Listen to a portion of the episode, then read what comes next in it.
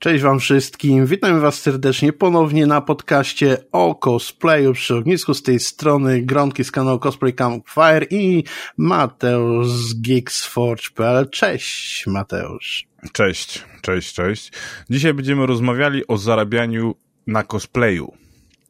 Ty, y, Gronki, y, zarabiasz na cosplayu, robisz różne komisze, więc y, to jest temat, który, na którym, który bardzo dobrze znasz. Tak. I może, może słowem wstępu coś, e, coś, coś zaczniesz tutaj. Tak, e, e, to jest generalnie bardzo fajny temat dla wszystkich cosplayerów i tak naprawdę wielu cosplayerów dąży do tego, żeby w ogóle zarabiać na cosplay. Niewielu mamy cosplayerów w Polsce, którzy na tym zarabiają a mm, tak naprawdę, jeżeli chodzi o to, co się dzieje na świecie, to e, jest bardzo wielu cosplayerów, którzy tak naprawdę z tego biorą pieniążki. Ja może e, jeszcze słowem wstępu przypomnę, że kiedyś e, prowadziłem taką prelekcję na Dniach Fantastyki. E, prelekcję prowadziłem wspólnie z Martą Soją, dziewczyną, która była e, odpowiedzialna za rozwój e, blogosfery i tutaj bardzo fajnie poprowadziła również nam te warsztaty, porównując po prostu rozwój E, cosplayu, cosplayerów, ich kanałów społecznościowych e, z tym, co się działo wcześniej w blogosferze, było to fantastyczne. Szukajcie gdzieś tego materiału, może gdzieś jeszcze jest.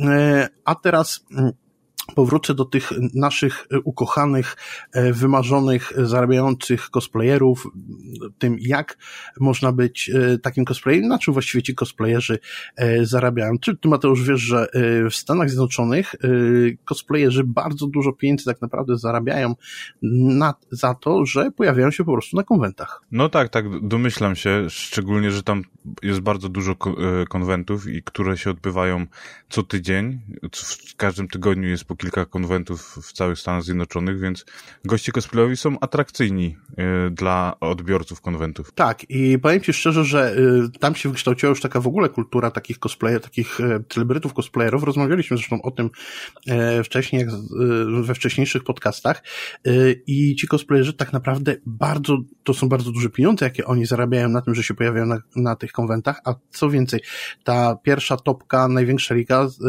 to oprócz tego, że jest zapraszana zapraszana również na konwenty poza Stanami Zjednoczonymi, e, to również e, oczywiście dostaje bezpłatnie e, przeloty, dostaje wynagrodzenie za to, zwiedzanie tych stolic, więc tak naprawdę bardzo fajnie sobie tam żyją. Zarabiają również na innych rzeczach, jak na przykład na tworzeniu własnych kolekcji, na przykład materiałów, tak robi, między innymi Jajahan, która jakiś czas temu wydała swoje kolekcje materiałów, tak samo e, Evil's, e, Evil's Dead to chyba on się nazywa, Evil's Ted, przepraszam, nie Dead, TED, muszę to bardziej artykułować. E, on zarabia między innymi na tym, że e, sprzedaje różnego rodzaju materiały do odlewów, do odcisków, formy i tym podobne rzeczy. Także Y, tutaj y, y, są różnego rodzaju możliwości. Oczywiście też są e, cosplayerzy, którzy robią swoje książki, taką cosplayerką jest między innymi Kamui, lub swoje tutoriale, wykroje, tak zarabia między innymi Kimpatsu.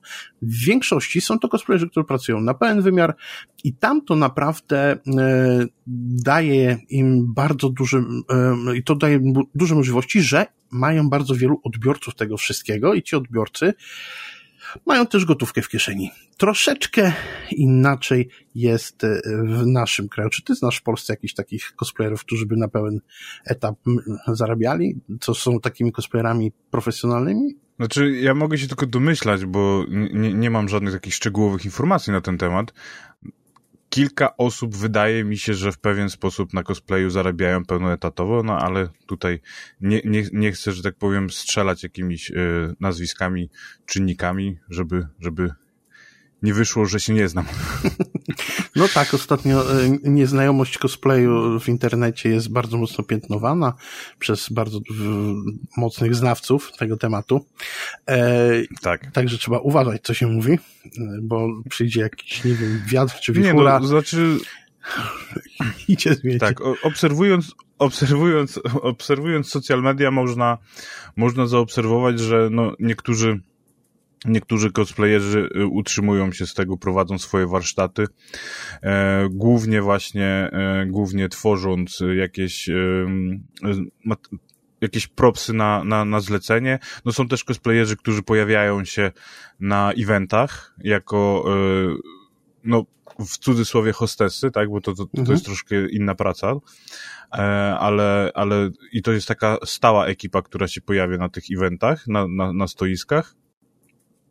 E, no też, e, też pod zarabianie można dać te strony typu Patronite. Jest, jest kilku cosplayerów polskich, którzy mają dość prężnie rozwinięte te Patronite, tak patrząc z boku, tak? Bo, bo, bo ja nie, niestety nie wspieram żadnego cosplayera na Patronite, więc mhm. tak od środka to nie wiem, jak to wygląda. No to tak, to masz rację, bo to, ty, ty, i warto co zauważyć, że w naszym kraju, w Polsce tutaj niestety nie mamy takiej możliwości, żeby e, cosplayerzy wyspecjalizowali się w, jak, e, w jakiejś tam dziedzinie, jak na przykład, nie wiem, e, tutaj chociażby Evil Ted, który robi bardzo dużo rzeczy takich bardziej technicznych, piankowych, jest Combat Crunches, która zajmuje się chociażby bardzo dużo szyciem i tworzeniem takich bardziej kostiumowych rzeczy. Jest oczywiście Jessica Nigry, która również ma, robi zdjęcia zdjęcia swoje, casualowe i inne e, i, i, i bardzo dużo zarabia na przyjeżdżaniu do, e, na, na różnego rodzaju konwenty.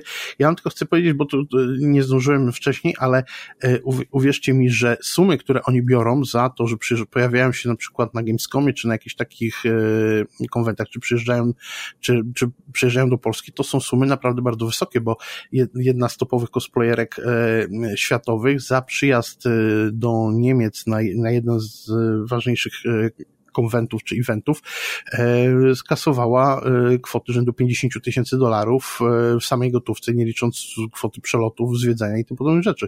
Więc to są, to nie, to już jest po prostu takie bardzo mocno celebryckie postępowanie.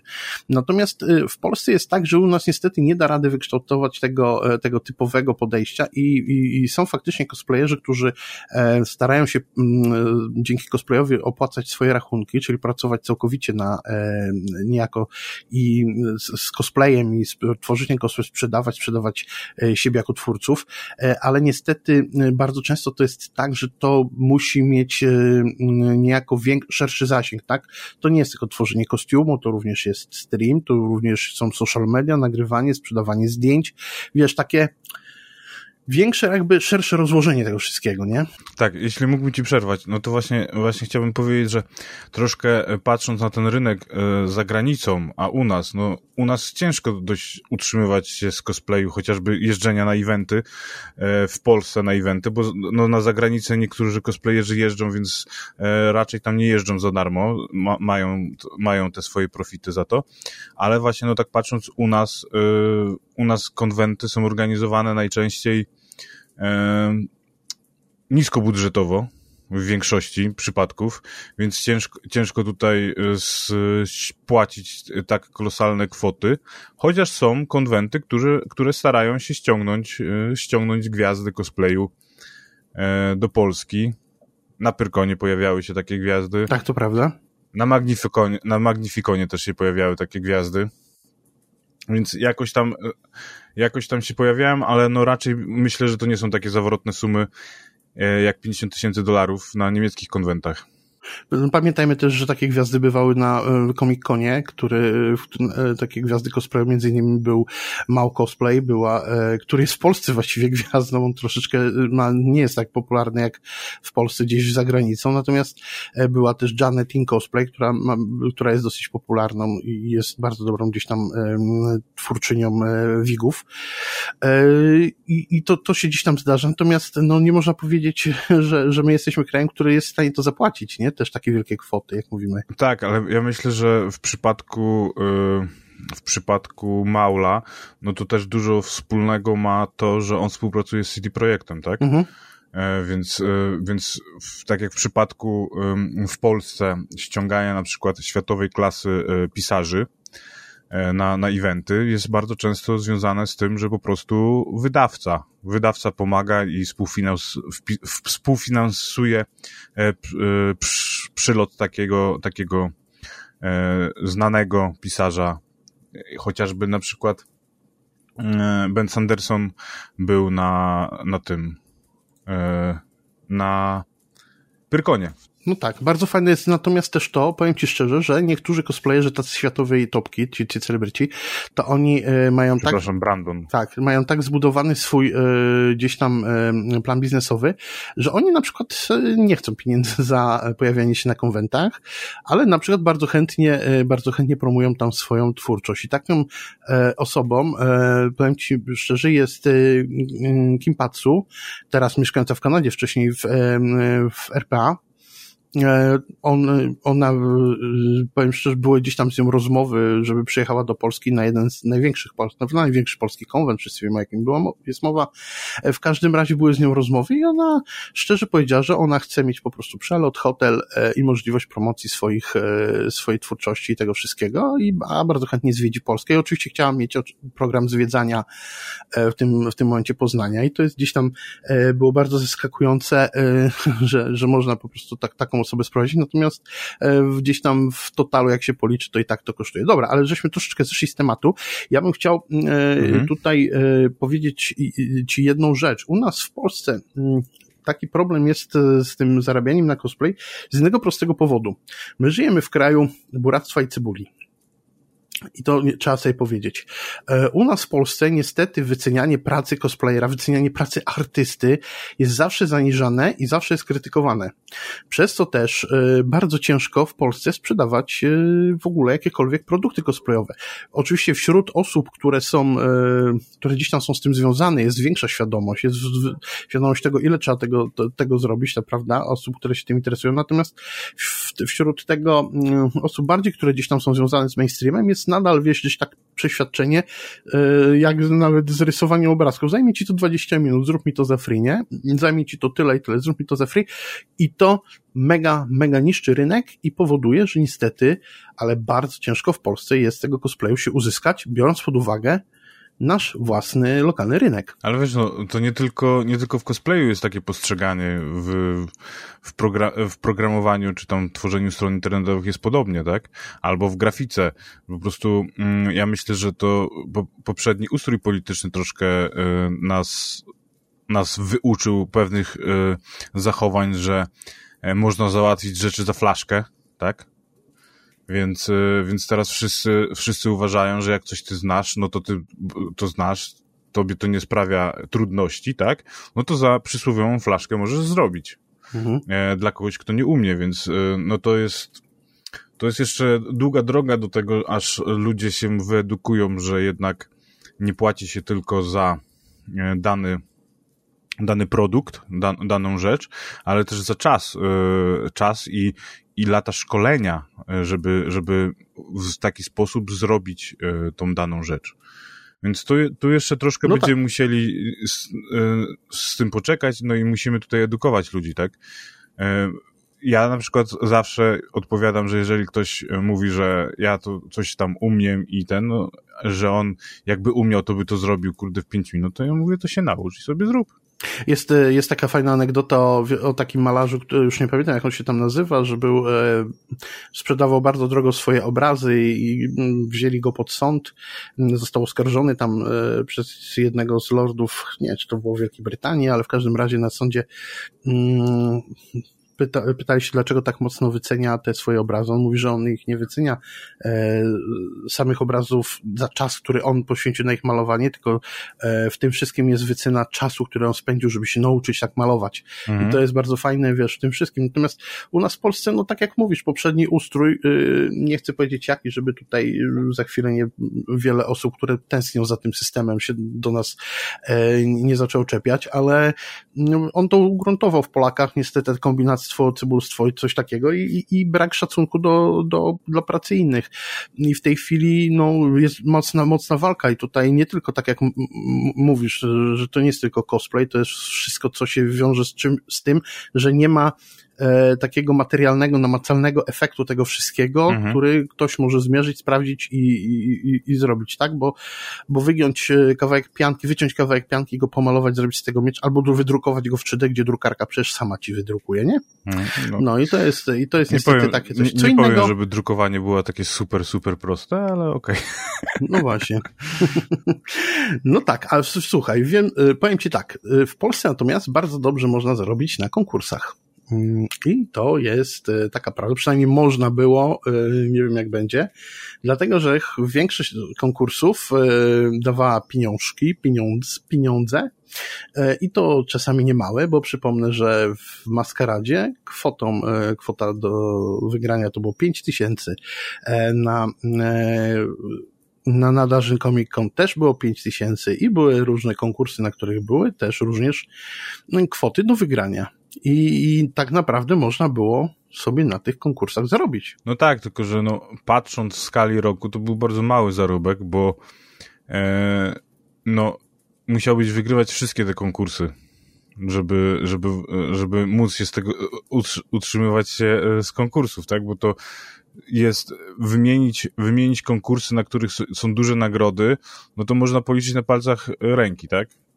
Może nie jednej, ale, ale na, policzyć na palcach. A jednak większość tych kon, kon, konkursów, konwentów, e, znaczy kon, konwentów na konkursach. No. konkursach na konwentach jest taka, że, że jednak no, te nagrody nie są tak oszałamiające. Mhm.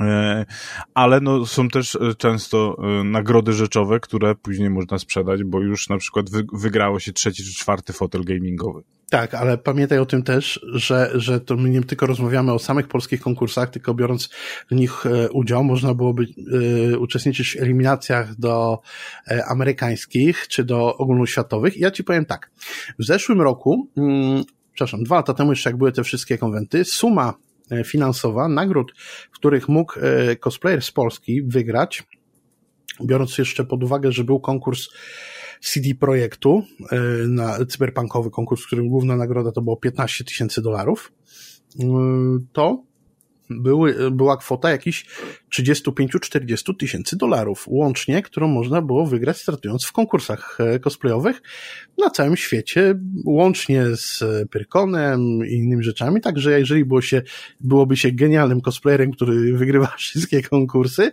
to 40 tysięcy można było zarobić. Oczywiście jest to bardzo abstrakcyjne myślenie, bo ja chyba nie znam osoby, która by mm, psychicznie i fizycznie w ogóle była w stanie ogarnąć wszystkie te konkursy i pojechać na nie, zrobić nowe kostiumy i tym podobne rzeczy. No też ile trzeba No może dwie, trzy osoby na świecie. Ile trzeba było wydać na te, na, na te stroje też. To, to, na, na pewno zarobek no. byłby spory i tak i tak, ale... Zarobek tak, pytanie jaki byłby zysk, nie? Bo o tym rozmawiałem między innymi na jednym z filmów z Margaret, gdzie ona mówi, że wygrywa na... Yy, przykładowo wygrywa maskaradę, to ma 5000 złotych, ale na kostium wydała 6,5, nie? No właśnie, tak. Ale zawsze kostium można później sprzedać dodatkowo. Tak, to prawda. I kostiumy można sprzedawać i, i bardzo często jest tak, że cosplayerzy już, jak im się w szafie nie mieszczą te kostiumy, to sprzedają. No ale dobra, e, to tak e, krótko, żeby ująć te konkursy, także pamiętajcie, jeżeli byście chcieli e, zarabiać na konkursach, to przejrzyjcie sobie, jakie są konkursy, jest ich na tyle, że można tam powygrywać naprawdę fajne rzeczy. Ostatnio najbogatszy był Cyberpunka, w tym roku w tej chwili trwa konkurs między innymi Techlandu, w którym też jest, zdaje się, 2,5 tysiąca dolarów do wygrania, więc 10 tysięcy złotych.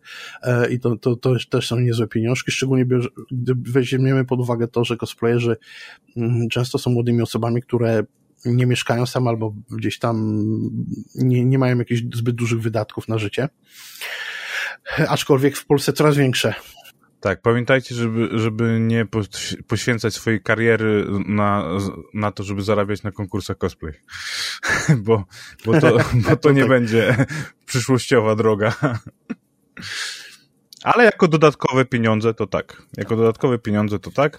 Zdecydowanie, szczególnie, że właśnie stroje, które robimy na konkurs, możemy potem wykorzystywać jako y, praca na stoisku y, jakiejś, na jakichś targach. Bardzo dużą, bardzo y, mocnym punktem jest to, że, y, że kostium, który wygrał jakiś znaczący konkurs, później jest sprzedawany, on automatycznie więcej też kosztuje. Jest bardziej atrakcyjny do zakupu, więc to też jest dla samego kostiumu no jakiś tam profit, nie? Tak. Natomiast, tak jak powiedziałeś, można zarabiać stojąc na stoiskach. No i to jest delikatny temat, bo na tych stoiskach stoi się jako taka trochę bardziej, e, powiedzmy, bardziej, bardziej hostesa, bardziej, czy bardziej host, hostesa, można tak powiedzieć. Kiedyś się mówiło nawet superwizor, ale nie wiem, czy to jest akurat dobre słowo. E, w każdym razie e, na różnych konwentach, na różnego rodzaju właściwie targach, e, czy, czy wydarzeniach związanych z e-sportem, gamingiem, są stoiska z producentów sprzętu gamingowego, gier i tym podobnych rzeczy. Czasami są ludzie od Indie i tam właśnie bardzo często sobie biorą cosplayerów jako takie hostesy, które biegając w kostiumach z bardzo popularnych gier, chyba najbardziej popularny jest LOL, nie? Z tego co pamiętam. No swego czasu też Fortnite był, yy, nawet na IEM-a ściągali yy, cosplayerów z Rosji, tak, bardzo fajnych prawda? cosplayerów. Chociaż nasi byli fajniejsi, nasi byli fajniejsi nie byłem wtedy. wtedy. Na, nie byłem wtedy na IEM-ie, widziałem tylko na zdjęciach, więc, a szczerze mówiąc, yy, w tamtym okresie no Fortnite nie, nigdy się jakoś tam dużą popularnością, w sensie nie cieszył wśród cosplayerów. Oni zrobili te stroje, bo po prostu mieli, mieli pracę, pracę na stoisku i osoba, która ich zatrudniała, wymagała tego stroju Fortnite'owego, ale patrząc tak, mierząc popularność Fortnite'a, jeżeli chodzi o liczbę graczy, a patrząc na cosplay, no to się wcale to nie przełożyło. Mhm. No, no tak, no ale tutaj y, zarobki na takich targach e, są i są wyższe na pewno niż zarabiają to hostesy. E, I te zarobki są e, różne, w zależności jak się dogadasz z tym, z, po prostu z obsługą stoiska. I, i tak naprawdę, słuchaj, słuchajcie, ja jestem w ogóle gigantycznym wrogiem tego, żeby mówić, że y, są jakieś ustalone odgórnie kwoty, za które należy na tym stoisku stać. E, no, sorry, ale żyjemy w gospodarce wolnorynkowej e, i każdy ma prawo decydować, e, za ile sprzedaje swoją pracę, swój czas. E, i tak naprawdę za ile chce budować swoje, swoje portfolio i możliwości tego, żeby po prostu pracować na tych stoiskach. Tego się będę trzymał, e, mimo że wielu osobom pewnie się to nie spodoba, co w tej chwili powiedziałem, mm, ale jest, ale to jest prawda. No, wolny rynek nas niestety tutaj e, wolny rynek tutaj tym rządzi, nie? No wiesz, to, to dotyka każdej branży to dotyka każdej branży i w mhm. każdej branży, że tak powiem, e, są e, spowodowane, różne spowodowane spięcia z tego, że ktoś na przykład chce wziąć mniej za jakąś pracę, ale no prawda jest właśnie taka, że mamy wolny rynek każdy swoją pracę wycenia tak, jak mu się żywnie podoba. A to już, że tak powiem, od mm, zleceniodawcy zależy od tego, czy się zdecyduje na niższą cenę, czy na cenę wyższą, e, bo czy zależy mu na jakości wykonania, czy zależy mu na jakości obsługi, czy jednak woli, woli postawić na kogoś, kto jest mniej doświadczony i bierze po prostu mniej pieniędzy, no bo to nie jest tak, że super doświadczona osoba, która już x godzin stała na tych stoiskach, będzie brała niskie, stawki, tak? Ale osoba początkująca, która na przykład będzie pierwszy raz stała, no to przecież nie, nie, nie rzuci ceny takiej jak osoba, która już stoi na tych stoiskach od kilku eventów. No, wiesz, szczególnie, że mamy bardzo wielu młodych y, i fajnych i zdolnych cosplayerów, którzy budują fan, fantastyczne stroje i oni też chcieliby się w jakiś sposób przebić y, do tego, do tego środowiska, do, ty, do, tych, y, do tych firm, które zatrudniają cosplayerów, żeby ich zatrudnili na, na, na te stoiska i wiadomo, że nie mając, nie mogą konkurować z tymi naszymi bardziej profesjonalnymi cosplayerami, z cosplayerami, którzy są bardziej znani. Oni nie mogą konkurować z nimi ceną, no bo wiadomo, w tym momencie przegrywają na, na tej linii, dlatego też e, znaczy tfu, e, mogą konkurować ceną, nie mogą dawać takiej samej ceny, bo przegrywają, ale natomiast e, dając niższe ceny, wiadomo, że w tym momencie mają większą szansę przybicia i dostania się na, na to, żeby pokazać, co potrafią, żeby pokazać innym, że, że są dobrymi, dobrymi cosplayerami i co może zaprocentować na ich przyszłości. Jest to uważam, że jak najbardziej słuszne działanie i, i, i ten. Natomiast jest to z drugiej strony źródło wielu dram i toksycznych zachowań w tym środowisku naszym cosplayowym i, i, i ja nie rozumiem w ogóle dlaczego. No, ja wiem, że, że, że fajnie, najfajniej by było zbudować tutaj związki zawodowe jak w socjalizmie i, i, i mówić ile kto, kto ma brać i ile ma zarabiać, ale to chyba nie jest tędy droga.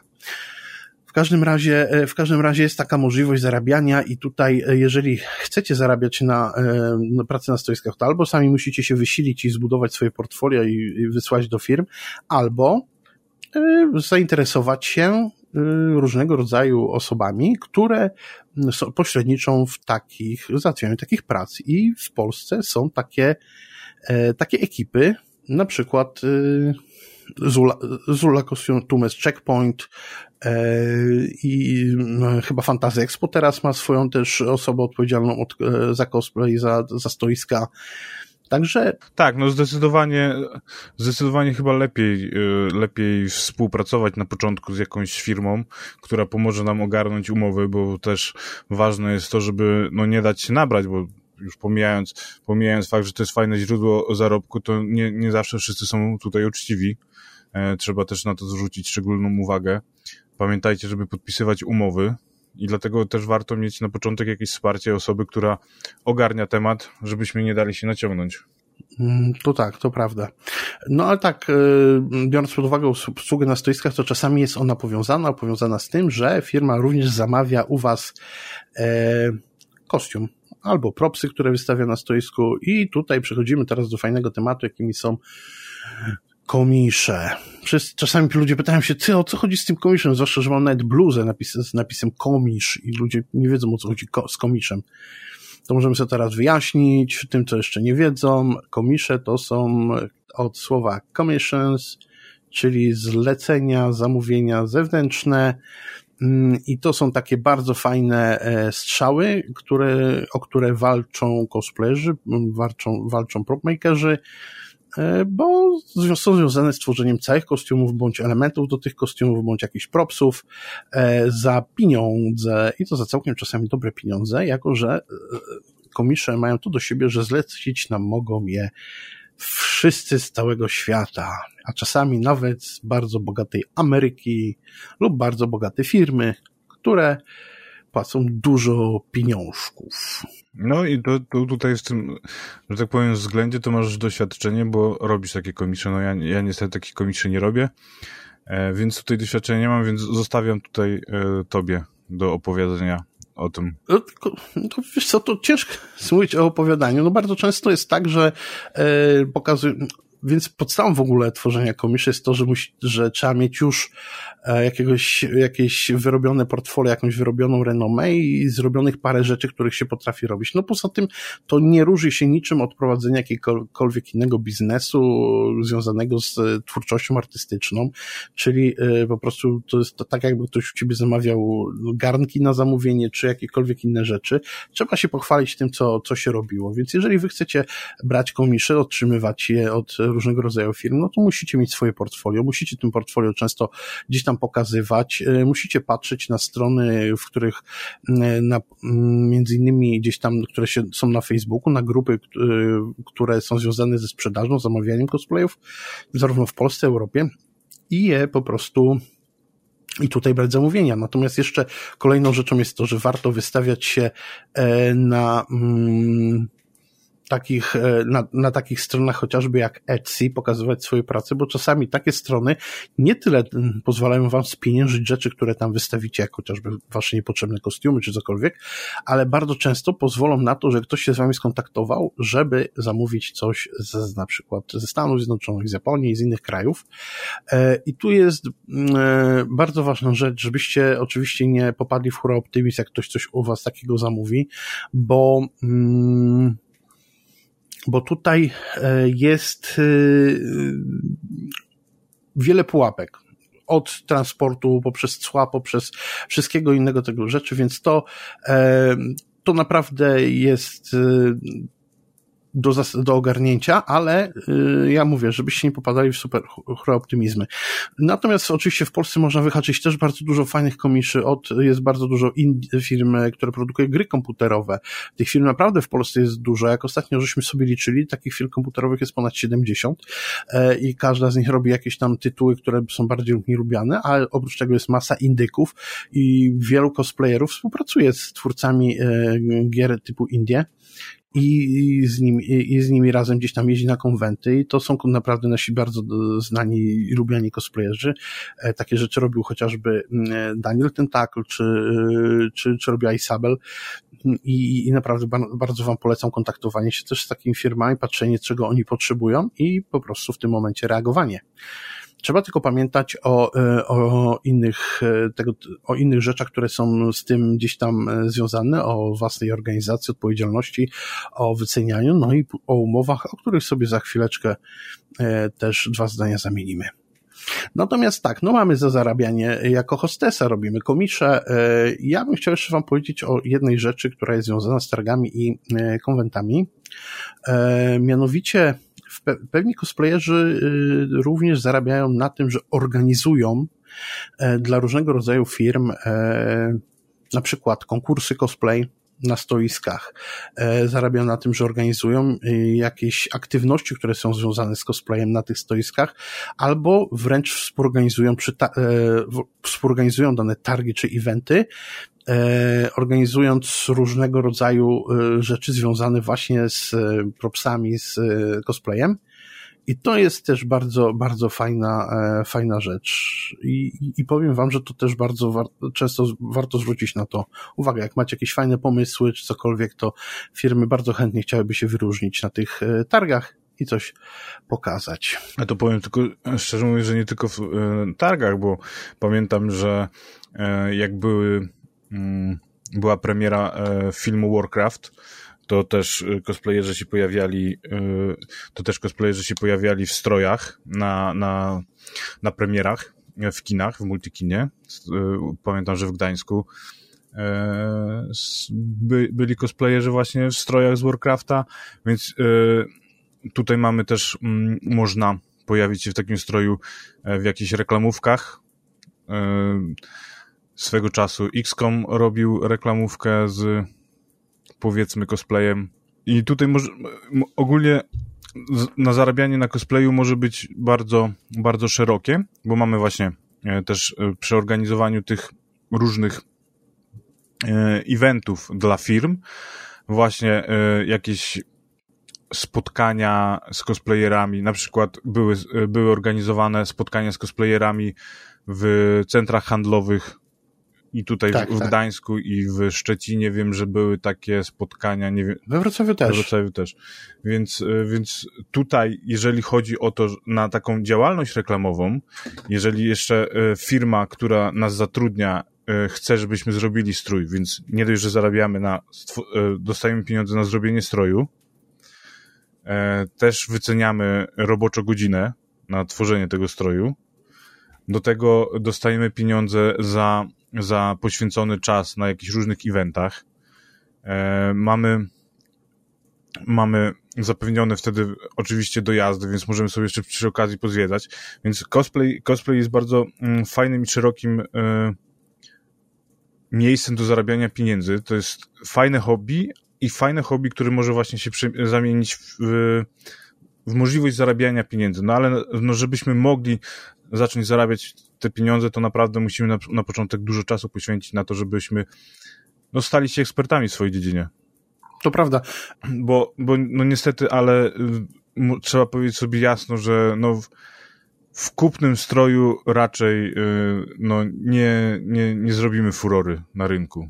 No chyba, że naszym planem jest tworzenie sobie zdjęć y, przez dobrych fotografów i sprzedawanie tych zdjęć, bo również printy e, w swoich własnych kostiumach e, służą do tego, żeby zarabiać. Natomiast są to raczej dodatkowe rzeczy do sprzedania niż... E, Tut, tutaj mhm. mnie, mnie zawsze ciekawił ten temat. Ja myślę, że moglibyśmy sobie o tym porozmawiać, bo jednak no z postaciami różnie bywa, bo są, są one często podlegają pod prawa autorskie, na przykład wszystkie postacie w Gwiezdnych Wojnach e, są zarejestrowane, więc na nich sobie nie można zarabiać. No, generalnie, e, generalnie jest tak, e, że nasze polskie prawo autorskie, również prawo unijne, mm, rządzi się tak zwanym prawem cytatu, czyli e, jest coś takiego prawo cytatu i, i czy zapożyczenia, czy mm, powtórnego, tak, powtórnego prawa autorskiego już i, i generalnie gdzieś gdzieś można to o to opierać, ale y,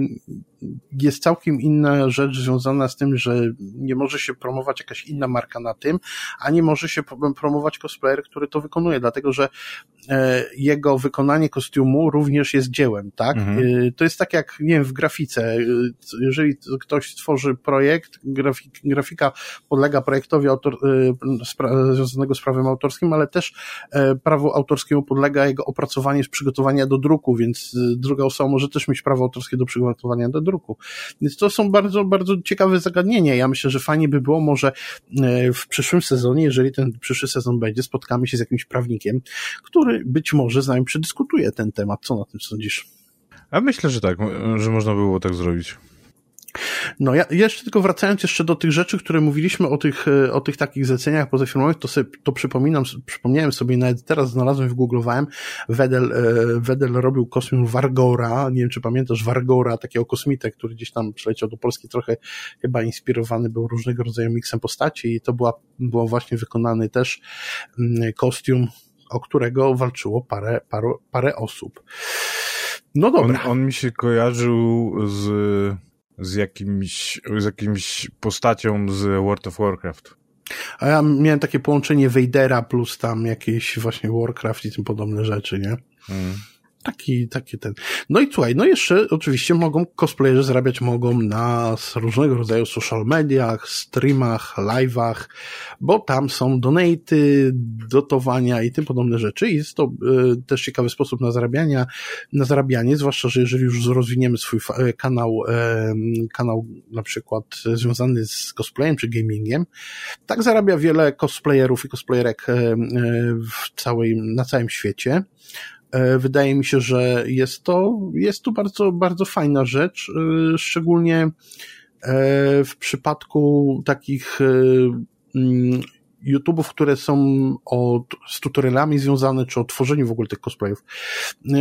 Kiedyś sama Kamui nawet opisywała, jak ona zarabia na tych filmach i i w tych realiach niemieckich, gdzie ten YouTube niemiecki jest troszeczkę bardziej płatny niż polski, no to faktycznie miało to sens i tak naprawdę grube rachunki potrafił ten YouTube e, zapłacić. No tak, ogólnie rzecz biorąc, kolejną taką ścieżką właśnie zarabiania na cosplayu, no to jest takie powiedzmy, no yy, stanie się influencerem, czyli po prostu e, nie tylko tworzenie strojów, ale również tworzenie różnego rodzaju kontentu internetowego. Tak jak właśnie w przypadku Kamui, e, ona tworzy swoje tutoriale. Ona w ogóle ma ponad 500 tysięcy subskrybentów, więc jak na, e, jak na cosplay, no to moim zdaniem jest świetny wynik. Mhm. E, jej wyświetlenia też ma, jej starsze, starsze materiały mają bardzo duże wyświetlenia. Przykra mhm. Czasem potrafią przekroczyć milion a nawet i, i widziałem, że był odcinek, który miał chyba ponad 2 miliony. Mhm. Więc jeżeli dobrze rozwiniemy te swoje social media, również możemy, tak jak po prostu mm, influencerzy, e, zarabiać na różnych współpracach, e, w których, w których będziemy czy też wykorzystywać cosplay czy niekoniecznie go wykorzystywać, ale po prostu na przykład będzie się jakieś, jakieś sponsorowane rzeczy pojawiały e, między, między naszymi cosplayowymi materiałami. To jest, powiem szczerze mówiąc, troszkę ciężki rynek, e, z tego względu, że, że no, tak jak właśnie nie wiadomo, jak to patrzeć na ten, na ten strój, tak, bo jednak no, podpisujemy postacie przeważnie, wykonany strój przeważnie się różni od rewki więc już to samo można właśnie brać pod prawo autorskie, że, że jest to inspiracja czy coś w tym stylu. Ale już e, nazwanie, nazwanie danej postaci moim zdaniem troszkę wyklucza, e, wyklucza tutaj to mhm. prawo, prawo i, i wtedy, wtedy nie powinniśmy wykorzystywać e, strojów takich do, do, do zarabiania komercyjnego ale jest to źródło, źródło, jest jakieś to potencjalne źródło dochodu, chociaż no patrząc na Polskę jeszcze, jeszcze moim zdaniem jest troszkę e, małe źródło dochodu. Tak, biorąc pod uwagę to, że nasi rodzimi cosplayerzy raczej mają bardzo małe i, i, i, pojęcie o tym, jak budować y, swoje zasięgi, jak budować swoje kanały cosplayowe, jak je crossować, jak, jak uzupełniać, co, co robić i w ogóle. Y, całe szczęście pojawia się coraz więcej cosplayerów, którzy fajnie wykorzystują, fajnie tworzą content i, i, i, go, i, go, i go wrzucają na, nawet. No tu też muszę zaznaczyć, że no, ciężko jest stworzyć bardzo fajnie content internetowy, E, gdy dużo osób no, też poświęca czas na to, żeby robić strój. No, strój, strój się robi y, bardzo długo, w sensie, że to nie jest tam, że, że my sobie godzinkę, dwie godzinki poświęcimy i zaraz będziemy mieli fajny strój. Jednak trzeba trochę nad tym popracować, a jak wpada się w taki wir pracy, no to też ciężko, mm, ciężko tutaj na social media coś robić, na media społecznościowe, a media społecznościowe, no niestety y, promują tą y, systematyczność, tak?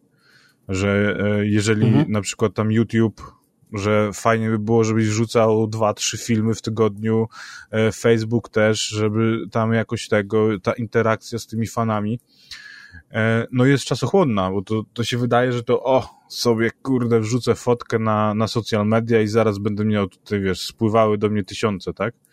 No nie, no to, to, to mhm. trzeba dużo, dużo też czasu poświęcić na to, żeby to rozpromować, więc tak naprawdę żeby dobrze zbudować markę cosplayera, który zarabia na, e, na tworzeniu swoich strojów, e, plus zarabia na, social, e, zarabia na social mediach, no to musiałaby to być firma, która jest kilkuosobowa.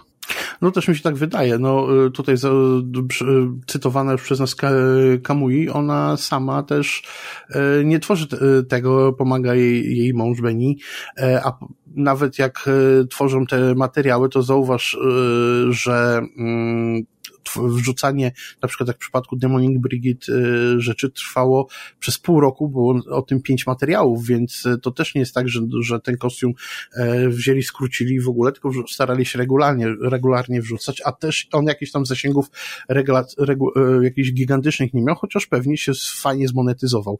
Natomiast u nas w Polsce jednak cały czas y, starają się ci cosplayerzy, próbują tam wrzucać na Instagrama, głównie na Instagrama, korzystają bardzo bardzo mocno z, z po prostu z, z zalety tego, tego niejako kanału social mediowego, który jest związany wiadomo z fotografią. Częst, czasami y, wrzucają też na Facebooka. Bardzo dużo jest też kanałów, które nie wrzucają na Facebooka, a później to jest na zasadzie e, sorry, że mnie tu długo nie było, ale jak chcecie mnie bardziej obserwować, patrzcie na Instagram, bo zapomniałam, że mam Facebooka, albo tu rzadko bywam i w ogóle, etc., etc. Rozwija się też TikTok. Niestety w, w Polsce nasi cosplayerzy nie mają za bardzo pojęcia, jak tego TikToka rozwijać. Szysza bardzo mocno tam idzie, ciągnie, ciśnie, już widzę coraz lepsze ma te zasięgi, coraz lepiej i to idzie, ale zobaczcie sobie, ile ona filmów opublikowała, jak dużo trzeba w to włożyć pracy, kiedy się nie wystartowało razem z TikTokiem, bo TikTok już dawno wystartował, już jest trochę przespany. E, I jeżeli się nie tworzy jakiegoś shit contentu, jak trudno jest z tym wszystkim wystartować? No, wymaga to naprawdę bardzo, bardzo dużej pracy. No i, i wiesz, bo, bo, tutaj też y, podchodzi to, mm, znaczy ten taki ważny temat jest, że, że cosplay nie jest e, takim dość popularnym, no nie jest, nie jest popularny w mainstreamie, tak? E, wiesz, na mhm. TikToku mhm. czasami jak trafiam jakieś filmiki, no to po prostu to są tak durne filmiki, a one mają po miliony, miliony po prostu wyświetleń. E, I prawda jest taka, że w internecie ludzie bardzo często właśnie przeglądają straszne głupoty, bo jak siedzą mhm. w tym internecie, e, tak w, wolny, w wolnym czasie, to najczęściej właśnie się odmurzgają. Więc e, ogólnie rzecz biorąc, w internecie są bardzo popularne odmurzające rzeczy, jedzenie, bo na, na, na TikToku też jest sporo, e, sporo fajnych, e, fajnych takich kanałów e, z jedzeniem. I, I prawda jest taka, że no, cosplayerzy musieliby zręcznie, zręcznie połączyć tworzenie fajnego kontentu, który przedstawia na przykład, tak jak Kamui robi te fajne takie krótkie filmiki z tworzenia stroju, ale też z jakimiś głupawkami które by przyciągały, przy, przyciągały te, tą rzeszę takich ludzi, którzy, którzy siedzą na tym TikToku, żeby oglądać głupawki.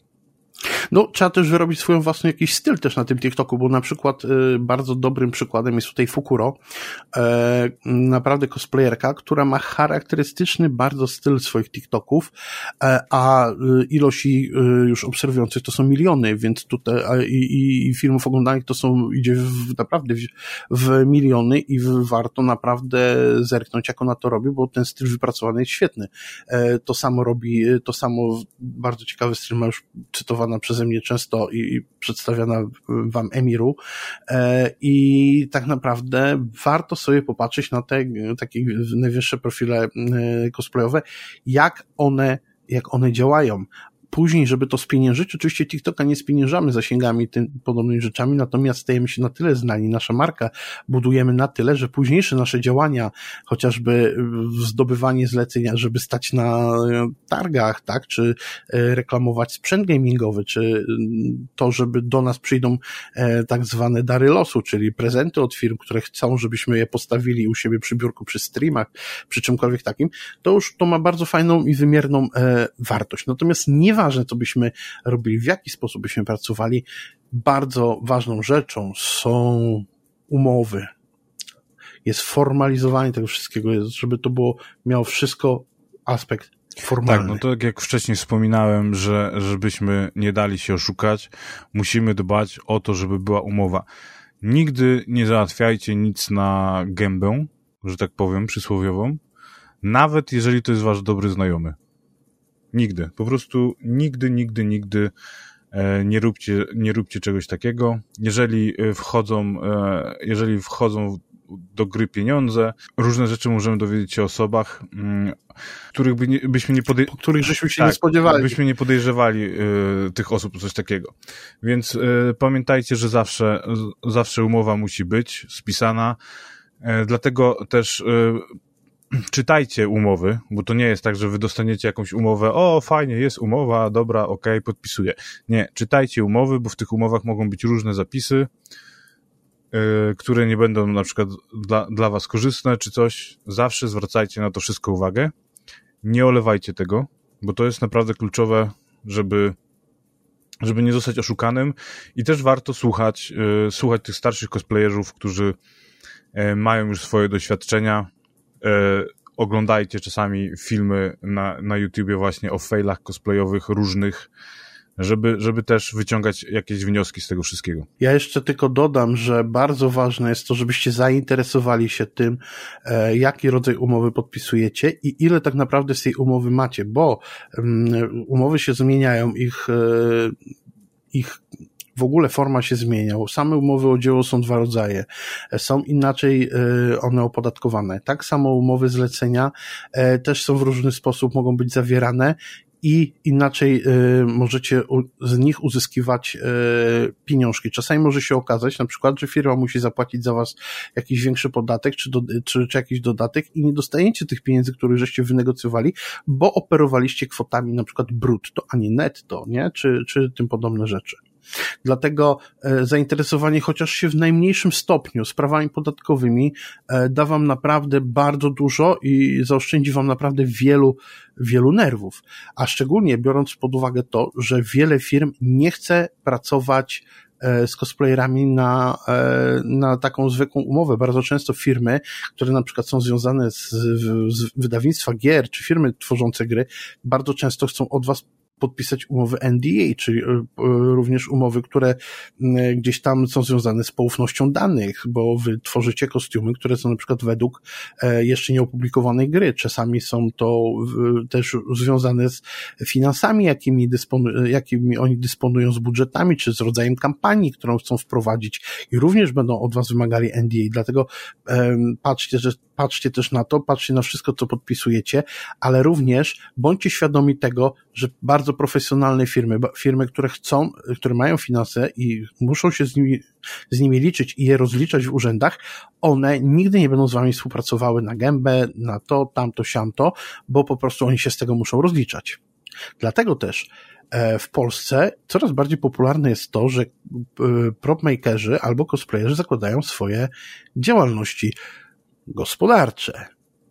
I nie zgadniesz, ile, ilu znamy już, ile znamy już osób, którzy profesjonalnie pracują jako działalność gospodarcza. Znaczy, no ja dużo osób znam, które pracują profesjonalnie jako... Ale w cosplayu, cosplayu, propmakingu... Znaczy, no tak osobiście to, nie wiem, z dwie, trzy osoby znam, które wiem, że na 100% mają działalność gospodarczą i na 100% prowadzą e, po prostu działalność gospodarczą w, w związaną z cosplayem, tak? No ja znam, w tym roku takich osób znam już pięć, a w zeszłym roku znałem tylko jedną, więc widać jak to się tak naprawdę rozwija. To jest ułatwienie, e, duże ułatwienie, jeżeli chodzi o właśnie rozliczanie różnych e, prac. Do tego mm, można sobie brać, wrzucać w koszty zakup materiałów e, i, i innych rzeczy związanych z prowadzeniem działalności gospodarczej. E, więc to jest, to jest bardzo duże ułatwienie i w momencie, w którym już e, zarabiamy jakieś pieniądze na cosplayu i, i wiemy, że chcemy się z tego utrzymywać, to warto, warto działalność gospodarczą założyć. Oczywiście nie na początku, nie, nie żeby się porywać e, na początku i tam zrobi, będę robił pierwszego komisza i już zakładam działalność gospodarczą. Nie, to wtedy tak, tak lepiej nie robić jednak, na, jednak trzeba, trzeba na początek e, wiedzieć, że będzie się miało klientów, bo jednak no, prowadzenie działalności gospodarczej to, to są też koszty i, i są to koszty stałe, chociażby ZUS, które e, czy będziemy mieli mhm. pracę, czy nie będziemy, czy, czy nie będziemy mieli pracy, zawsze musimy płacić, więc tutaj też, żebyśmy się nie porywali. Pamiętajmy o tym, żeby się nie porywać z motyką na słońce. Jeżeli będziemy już zarabiać jakieś pieniądze na, na początku, na jakichś umowach o dzieło, to wtedy będzie można po prostu założyć. No, rekomendowane jest założenie wtedy działalności gospodarczej. Bo na początku, nawet jak no, pójdziecie do, do urzędu pracy, to też w urzędzie dostaniecie informację, że no, na, najpierw sprawdźcie, czy będziecie coś zarabiać, szczególnie, że można rozliczać e, pewne, pewne zarobki e, z takiej nierejestrowanej działalności do ilość tam e, do, do jakiejś tam kwoty można, można taką nierejestrowaną działalność prowadzić. Ale to byście musieli poczytać. No pewnie. Słuchaj, no i na koniec creme de la creme, to do czego ten odcinek zmierza bardzo mocno, e, czyli porozmawiamy sobie o tym e, najbardziej ostatnio znanym sposobie zarabiania przez cosplayerów, a głównie cosplayerki, a mianowicie wszystkiego, wszystkie te strony patronackie i OnlyFans. Nasz ulubiony temat chyba ostatnio. tak, OnlyFans dość, dość często się pojawia, chyba praktycznie w każdym odcinku. Więc, e, o, nie wiem, powinniśmy chyba napisać do OnlyFans, żeby nam e, coś zapłacili za to, że, że, tak, że o nich tak, tak dużo roz, e, rozmawiamy. Że ich tak dyskryminujemy, ich tak. Nie, no ogólnie jest to, jest to fajne źródło zarabiania dla artystów. Nie, no nie ma co mówić, to jest... Mm, tak. Kiedyś w dawnych czasach byli mecenasi, mecenasi, którzy wspierali artystów, no i to Patronite, e, Patronite e, to też jest właśnie taka forma e, wspierania artystów. Coffee Shop to jest też w Patronite. No OnlyFans też jest takim wspieraniem, wspieraniem artystów. I, i uważam, że... No szczególnie artystów. uważam, że, że, że jeżeli chodzi o takie właśnie artystyczne, artystyczne rzeczy, no to warto, warto na Patronajcie, na Patronajcie się pojawiać. E, I żeby, żeby ludzie, którzy chcą oglądać e, nasze prace, mogli nas wspierać i umożliwiać nam e, to, żebyśmy, żebyśmy się pojawiali żeby nasze prace mogły się pojawiać dalej w sieci. Ja na przykład powiem Ci i wtrącę tutaj ze swoją prywatą, że kanał Cosplay Campfire ma swoje własne coffee. E, link znajdziecie oczywiście w opisie, e, w opisie kanału. Możecie tam wejść. Na zarobiliście, Cosplay Campfire zarobił już chyba 8 dolarów, więc nie jest źle. Dwie osoby wpłaciły. Bardzo dziękuję moim darczyńcom. E, natomiast oczywiście zachęcam do kolejnych wpłat na, na tą kawę. I na coś te pieniążki przeznaczymy, może, może na jakieś spotkanie albo, albo na rozwój kanału, zobaczymy to jeszcze jak będzie. Natomiast tak, y, oczywiście to, co powiedziałeś, to jest, to, to, to prawda, bo to jest taki sposób na mecenat dla mm, artystów, a wiadomo, my, y, cosplayerzy, bardzo chcemy, żeby nas traktowano jako artystów i, i, i do tego gdzieś tam dążymy, żeby, y, żeby nas właśnie tak traktować. Y, aczkolwiek, mm, Aczkolwiek często, często jest to wykorzystywane w niecnych celach i gdzieś tam podpinanie się różnych rzeczy poza, poza, poza cosplayowymi też, też często gdzieś tam wchodzi. Wielu cosplayerów we, w Polsce ma e, swoje patronackie strony, ma e, i to stopki i niestopki. E, zarówno znajdziecie tam kan kanał Patronite, Patrona, e, czy, czy też Coffee. E, nie wiem, ile osób ma OnlyFansa, nie chcę tutaj strzelać. Natomiast fakt faktem, że OnlyFans nie powstał tutaj po to, żeby, żeby w ogóle pokazywać to, co się teraz na nim głównie pokazuje. I są cosplayerzy, e, którzy mają tam strony bez pokazywania nagości albo nawet się w strojach kąpielowych. Bo taką osobą, bo chyba profil nas, nawet na OnlyFans ma Kinpatsu, a to jest chyba jedna z ostatnich osób, które można by było podejrzewać, że będzie za chwilę pokazywała tam goliznę. Znaczy, no wiesz, no, mam wrażenie, że w ostatnim czasie właśnie e, e, jeżeli ktoś ma e, z cosplayerów jakiegoś Patronite'a, czy Coffee, czy mm, czy właśnie OnlyFans, on, OnlyFans, to, to się pojawia takie przeświadczenie, że, że musi, musi przysłowiowo świecić tyłkiem. Nie, tak nie jest. Jest dużo cosplayerów, którzy mają swoje, swoje strony patronackie i nie świecą, nie świecą tam golizną. Więc tutaj też warto, warto yy, zwrócić na to uwagę. Ale no, jest też dużo osób, którzy nie są cosplayerami, a wykorzystują cosplay do tego właśnie, żeby świecić mhm. swoimi częściami ciała. To prawda. Ale no jest to też związane z tym, że no takie zainteresowanie jest, no. Co tu dużo mówić. Ja na koniec jeszcze bo tutaj zmierzamy sobie już powoli do, do końca tego odcinka. Ja chciałbym tylko tak e, e, powiedzieć, trochę za tutaj powróżyć e, z fusów, e, właściwie z butelki zielonej, którą mam przed sobą i powiem Ci tak, e, ja myślę, że jest bardzo duża szansa, żeby jednak cosplay w e, Polsce, taki zarobkowy cosplay się mocno rozwinął, z prostego powodu. U nas jeszcze nie jest wyeksploatowany ten cały mainstream, jeżeli chodzi o cosplay.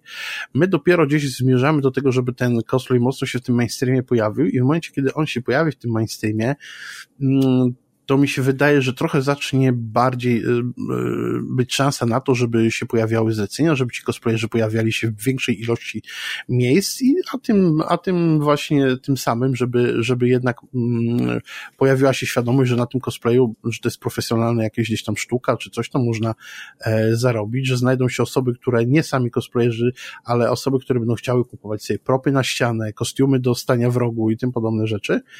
Mm, tak jak to jest w innych krajach, i mi się to wydaje, że do tego zmierzamy, biorąc pod uwagę to, jak się rozwija larpówek, e, gdzie kiedyś larp to był, wiesz, bardzo mocno geekowski, a teraz stał się takim bardzo mocnym hobby dla bogatych również, to myślę, że jest taka nadzieja. No, no myślę, właśnie tak samo myślę, bo mm, ja uważam, że, że u nas dopiero to taka, mm, takie uwielbienie do popkultury, tej popkultury geekowskiej i, i, tego wszystkiego, dopiero, dopiero do nas dociera to. E, co można zobaczyć chociażby po tym, co się dzieje w grach planszowych, e, które e, z namiętnością śledzę, o powrocie RPGów do łask, gdzie naprawdę, naprawdę teraz bardzo dużo zaczyna się wydawać podręczników RPG do, mm, po polsku, do różnych systemów, czego jeszcze kilka lat temu nie było. Miałeś, miałeś tam jakieś podstawowe D&D, Neuroshimę polską i było naprawdę bardzo mało tego, a teraz, y, teraz multum tego wychodzi. Naprawdę, y, naprawdę bardzo dużo tego wychodzi. Y, ku temu się przyczyniły też mm, filmy Marvela. E, e, te filmy superbohaterskie. Ostatnio czytałem artykuł, że kino superbohaterskie zabija, e, zabi, zabija Hollywood, ale prawda jest taka, że właśnie mm, pozwala też rozwijać się innym innym dziedzinom. No, więcej komiksów pojawia się w Polsce, w, w polskich wydań książek. No tutaj na przykład patrząc na Gwiezdne Wojny mieliśmy troszkę posłuchę, jeżeli chodzi o wydawanie książek ze Star Warsów. E, a teraz, e, teraz jest nowy wydawca, jest duży, duży motor napędowy. Oni chcą nadrobić wszystko, co poprzedni wydawca e, nie wydał w Polsce. Bo prawda jest taka, że, że my po prostu dążymy do tej popkultury.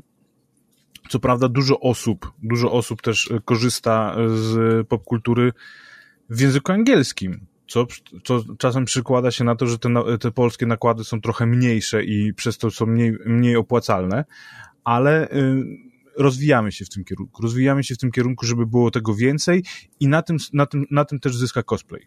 Na tym też zdecydowanie myślę, że zyska cosplay. Ja myślę, że Myślę, że to też e, pojawienie się za chwilę w subkulturze wielu filmów, które są związane z grami komputerowymi, bo jak, e, czy, czy z mangą i anime, bo jak wiecie, e, niedługo się pojawi Neon Genesis Evangelion, pojawi się również live action Cowboy Bebop, które są bardzo klasycznymi przełożeniami. Mam nadzieję, że nie podzieli to losów Notatnika Śmierci, który, czy Dragon Balla, które były po prostu, zachowajmy tutaj milczenie o tym. Natomiast za chwilę pojawi się również animowany, y, animowany tutaj Wiedźmin y, z Wesemirem. Animowany będzie serial w, gdzieś dziejący się w uniwersum League of Legends, e, więc tych, ty, tego wpływu The Last of Us tej, będzie serial. na tak, i tego wszystkiego, co, co, co tutaj tego wpływu na e, tych dzieł wszystkich, tej, tego subkultury na mainstream będzie coraz więcej i mi się wydaje, że dzięki temu jest tam szansa na to, żeby mocno się zaczął rozwijać cosplay i prop making. Ja tą taką, tymi słowami nadziei i tym, że będziemy mogli to wszyscy cosplayerzy fajnie sobie spieniężać, zarabiać na tym cosplayu, żeby nam płacił rachunki, tą całą nadzieją chciałbym dzisiejszy odcinek zakończyć, bo już tutaj rozmawiamy sobie sporo czasu. Przypomnę Wam tylko, że e, byście wpadli do nas na nasze social media, zarówno na geeksforge.pl, jak już będzie odpalony, e, oraz na, oczywiście na Cosplay Campfire, Facebook, e, Instagram i ostatni, i zaczynamy powoli rozwijać naszego TikToka. E, mam nadzieję, że się tam e, zobaczymy, że, że, że polubicie nas, nasze te profile. Zapraszam Was również na, jak wspomniałem wcześniej, na Coffee Cosplay Campfire. E, no i co? I i, i chyba będziemy Wam bardzo dziękować za, za tą już godzinkę, prawda Mateuszu? Tak, tak. Dzięki, dzięki, że byliście z nami, że wysłuchaliście nas do końca. E, obserwujcie nas, nasze media społecznościowe. No i widzimy się za tydzień. Znaczy, słyszymy się za tydzień. Tak, ja chciałem tylko powiedzieć, że zbliżają się oczywiście dwa konwenty, bo się zbliża e, targ letni Perkonu, e, zbliżają się Dni Fantastyki. E, na jednym i na drugim konwencie będzie można spotkać mnie. Prawdopodobnie będą, będą, zrobimy jakiś meet cosplay campfire, także jeżeli tam e, tylko zawitacie, to bardzo serdecznie zapraszam. Mateuszu, ty będziesz? E, nie, ja się no, nigdzie nie wybieram niestety do końca miesiąca, mam dużo swoich rzeczy do zrobienia. Tak, ale nagrywać będziemy, prawda? Tak, no nie, no nagrywać będziemy, będziemy i widzimy się za tydzień. Słyszymy właściwie. Tak. No i co, żegnamy się. Cześć. Mówili dla Was Mateusz z geeksforge.pl oraz Gronki z Cosplay Campfire.